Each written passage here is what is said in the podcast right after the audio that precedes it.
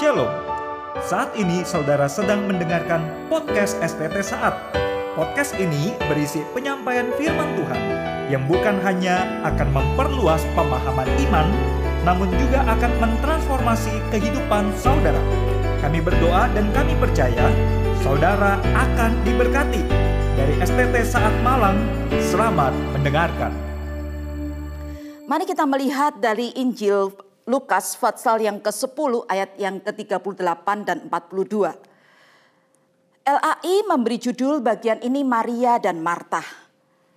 Tetapi tema yang akan kita renungkan adalah listening his voice, mendengar suaranya. Ayat yang ke-38. Ketika Yesus dan murid-muridnya dalam perjalanan, tibalah ia di sebuah kampung Seorang perempuan yang bernama Marta menerima dia di rumahnya. Perempuan itu mempunyai seorang saudara yang bernama Maria.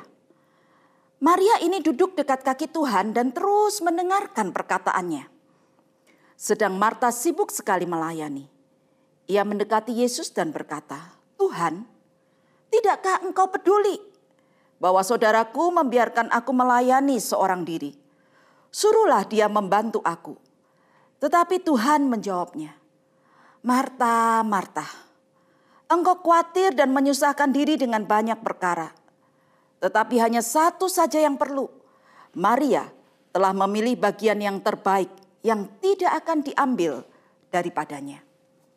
Yang berbahagia adalah setiap kita yang bukan hanya mendengar, membaca firman Tuhan, tetapi yang terlebih suka melakukan firman itu dalam kehidupan sehari-hari.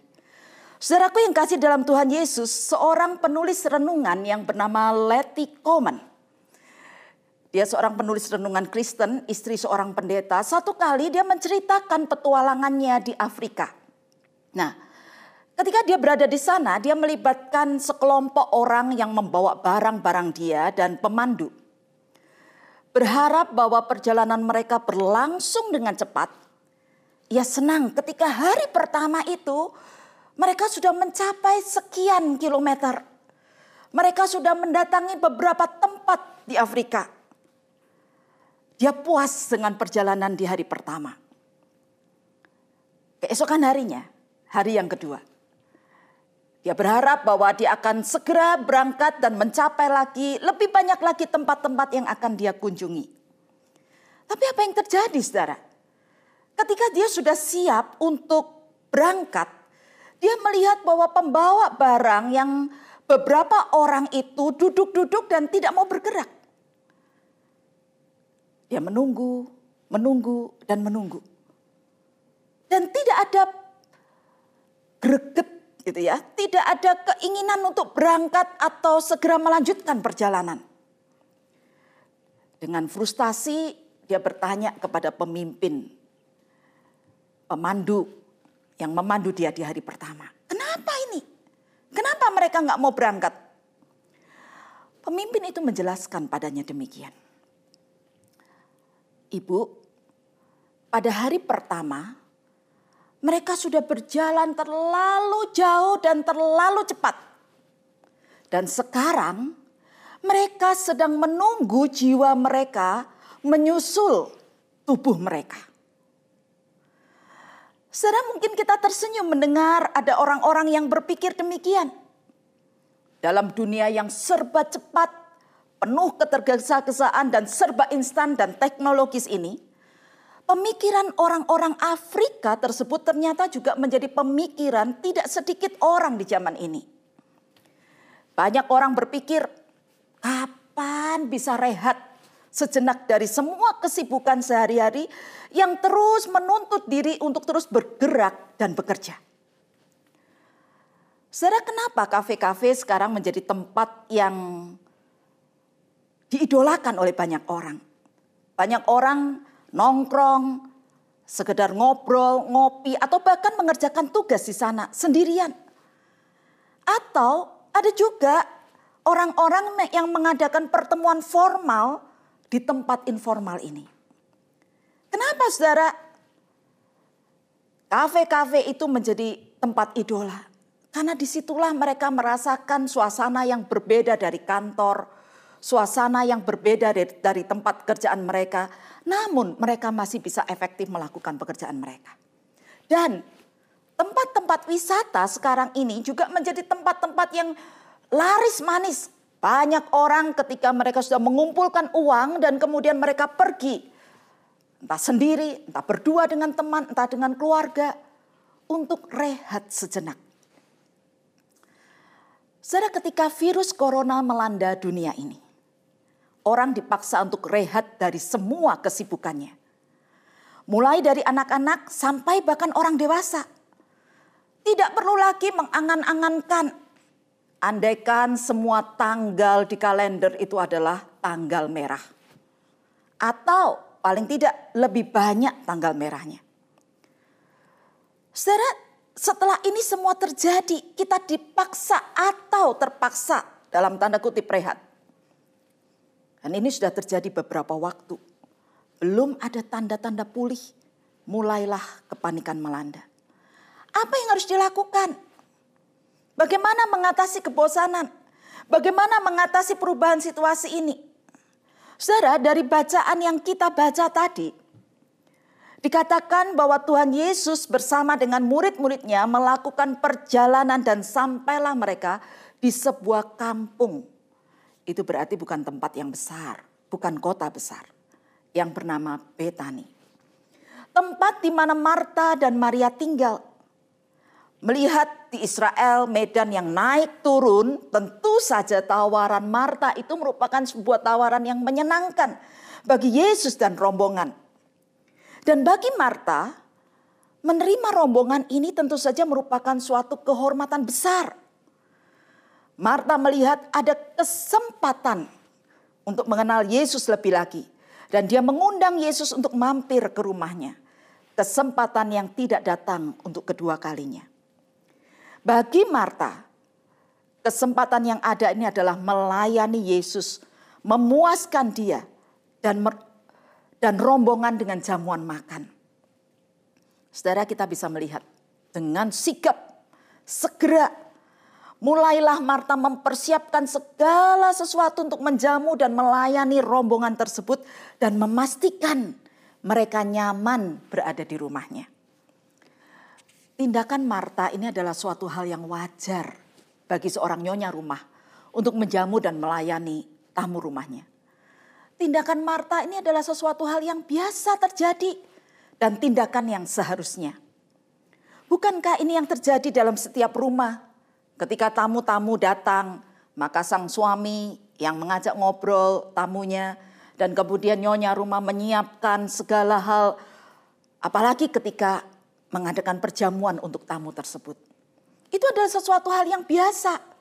Dan setelah tamunya pulang, maka Sang istri akan bertanya kepada suaminya, Pak, Pak, tadi apa yang diomongkan? Tadi apa yang diobrolkan? Itu sesuatu hal yang biasa. Marta menganggap bahwa menyenangkan Yesus itu berarti melakukan sesuatu yang berguna. Sesuatu yang positif. Sesuatu yang bermanfaat. Perhatian Marta adalah tindakan yang berguna bagi yang lain dan hanya itu. Itulah sebabnya, saudara. Dia kecewa ketika Maria tidak membantunya. Maria seolah-olah tidak peduli dengan kesibukannya. Maria tidak mengerti betapa dia sangat membutuhkan bantuan. Namun tidak demikian dengan Maria, saudara. Maria juga seorang yang sangat senang ketika menerima Yesus di dalam rumah mereka. Kesempatan yang sama-sama dimiliki oleh dua orang saudari ini memunculkan reaksi yang berbeda. Bagi Maria, Yesus bukan hanya sekedar tamu istimewa. Bagi Maria, Yesus adalah tamu yang sangat-sangat istimewa.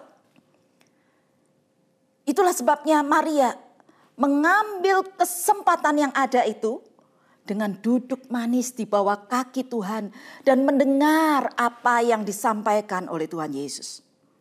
Alkitab mencatat Maria terus mendengarkan perkataannya yang berarti Maria terus menerus mendengarkan, menyimak, memperhatikan, mencermati apa yang disampaikan oleh Tuhan. Maria mengkhususkan diri untuk tidak mendengar dengan sambil lalu atau dengan mengerjakan yang lain, tetapi ia duduk, ia diam, dan ia mendengar. Cara mereka berdua menyambut kedatangan Tuhan dalam rumah mereka sangat berbeda. Kesempatan yang diterima Maria membuat Maria melakukan sikap untuk mengenal siapa Yesus itu. Dengan mendengar apa yang dikatakan oleh Tuhan Yesus, Maria berharap dapat lebih mengetahui jalan pikirannya, pribadinya, karakternya, kehendaknya, dan semua tentang Dia. Rasa kagum dan hormat Maria kepada Yesus membuat dia tidak peduli dengan yang lain, kecuali mencoba mengenal Dia dan mendengar perkataannya. Cara pandang yang berbeda dari dua orang saudari ini, saudara, Marta dan Maria. Cara pandang yang berbeda tentang Tuhan memunculkan reaksi yang berbeda. Marta menganggap Yesus adalah tamu istimewa bagi keluarganya. Maria menganggap Yesus adalah tamu yang sangat istimewa di mata dia. Saudara Dallas Willard dalam bukunya Mendengar Allah, Hearing God, menyatakan dalam pendahuluannya begini.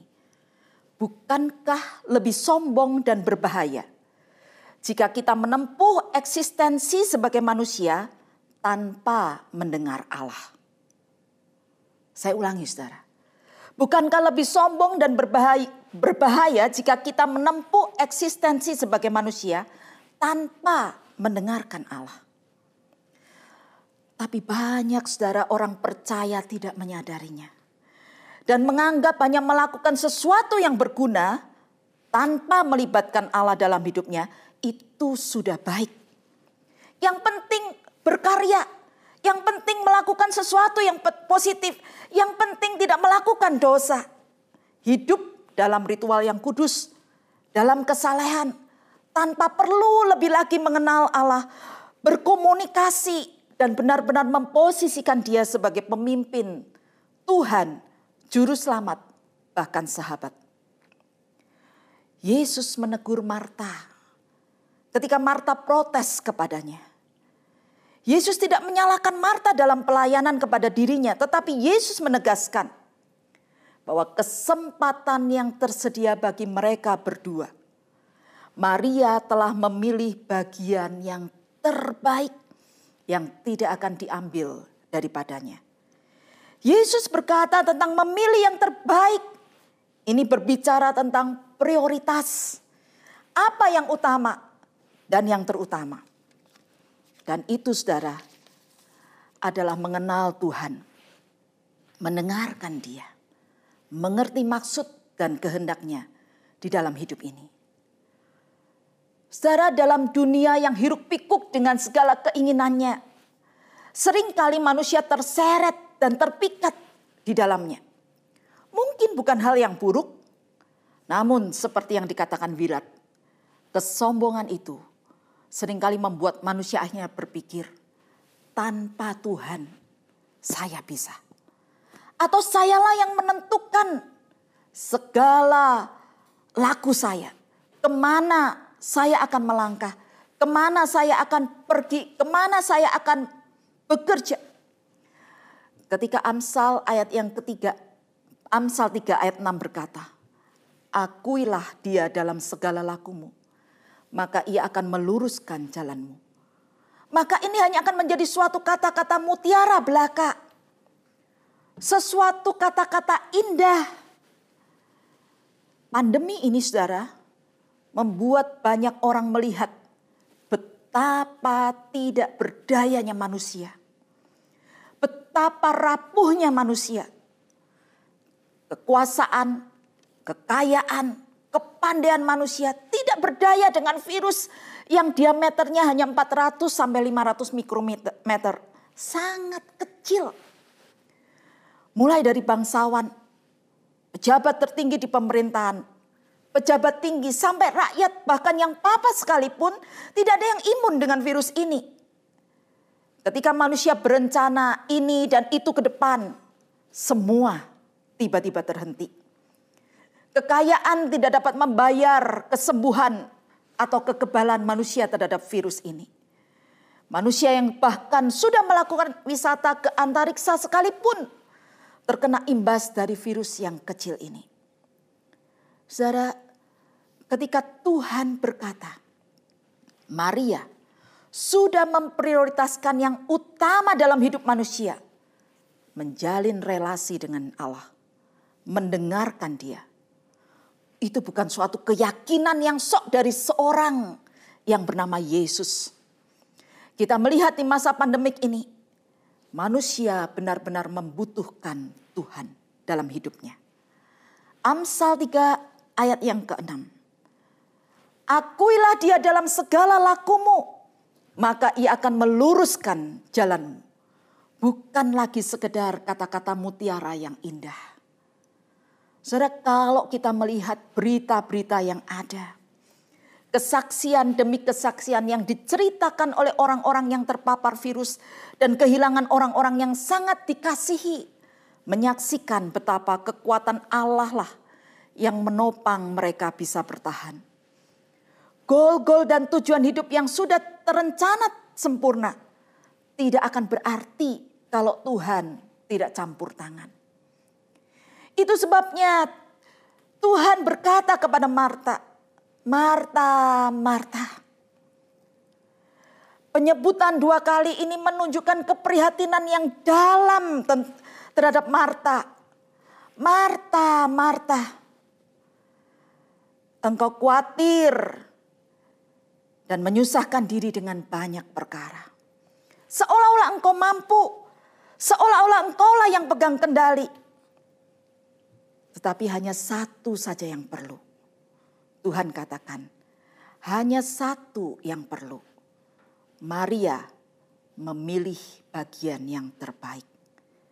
Mengenal aku, mendengarkan suaraku, mencoba mengerti maksudku, dan itu tidak akan diambil daripadanya oleh siapa pun dan oleh situasi apa pun. Manusia membutuhkan Tuhan. Situasi baik ataupun tidak baik, situasi senang ataupun susah, situasi cukup ataupun berkekurangan, situasi sakit ataupun sehat. Perkataan Tuhan akan selalu menjadi penopang kekuatan dalam menjalani hidup yang naik turun dan berkelok-kelok penuh dengan tantangan. Dallas Willard mengatakan, bahwa firman Allah adalah ucapannya. Komunikasinya. Komunikasi Allah kepada manusia. Ketika Allah berbicara melalui firmannya. Ia mengekspresikan pikirannya. Ia mengekspresikan karakternya. Dan ia mengekspresikan tujuannya. Dengan demikian Allah selalu hadir bersama dengan perkataannya atau firman-Nya. Seperti tertulis dalam Roma 35 Roma 35 dan 37. Siapakah yang akan memisahkan kita dari kasih Kristus? Penindasan atau kesesakan atau penganiayaan atau kelaparan atau ketelanjangan atau bahaya atau pedang. Tetapi dalam semuanya itu dikatakan, kita lebih daripada orang-orang yang menang oleh Dia yang telah mengasihi kita. Kita butuh Allah untuk menuntun langkah kita sehingga kita dapat hidup benar dan memuliakan Dia.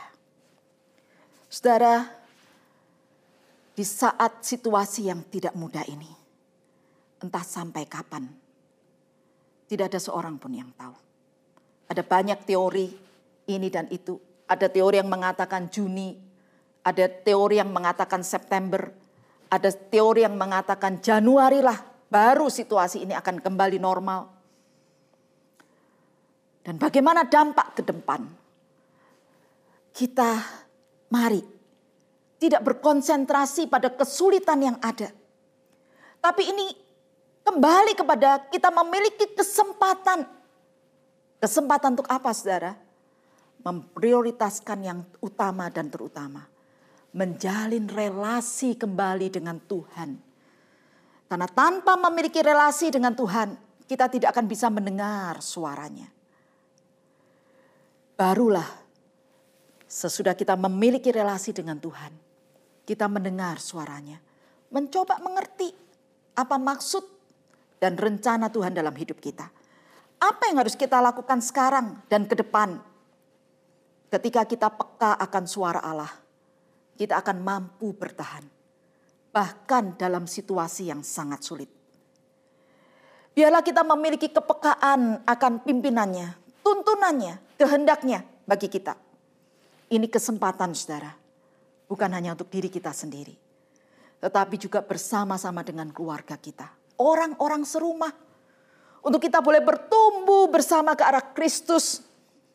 Ini kesempatan bersama keluarga mengenal Tuhan lebih dalam lagi dan mengenal suaranya. Atur kembali prioritas saudara di masa stagnan ini. Tuhan yang terutama dan yang pertama, sesudah itu keluarga. Bagi kita semua saudara, selamat berelasi dengan Tuhan dan mendengar suaranya, kehendaknya. Dan terkhusus bagi ibu-ibu yang terkasih dalam Tuhan, selamat hari ibu juga Sebagaimana kita kaum wanita sering kali berperilaku seperti Marta, sibuk melakukan banyak hal.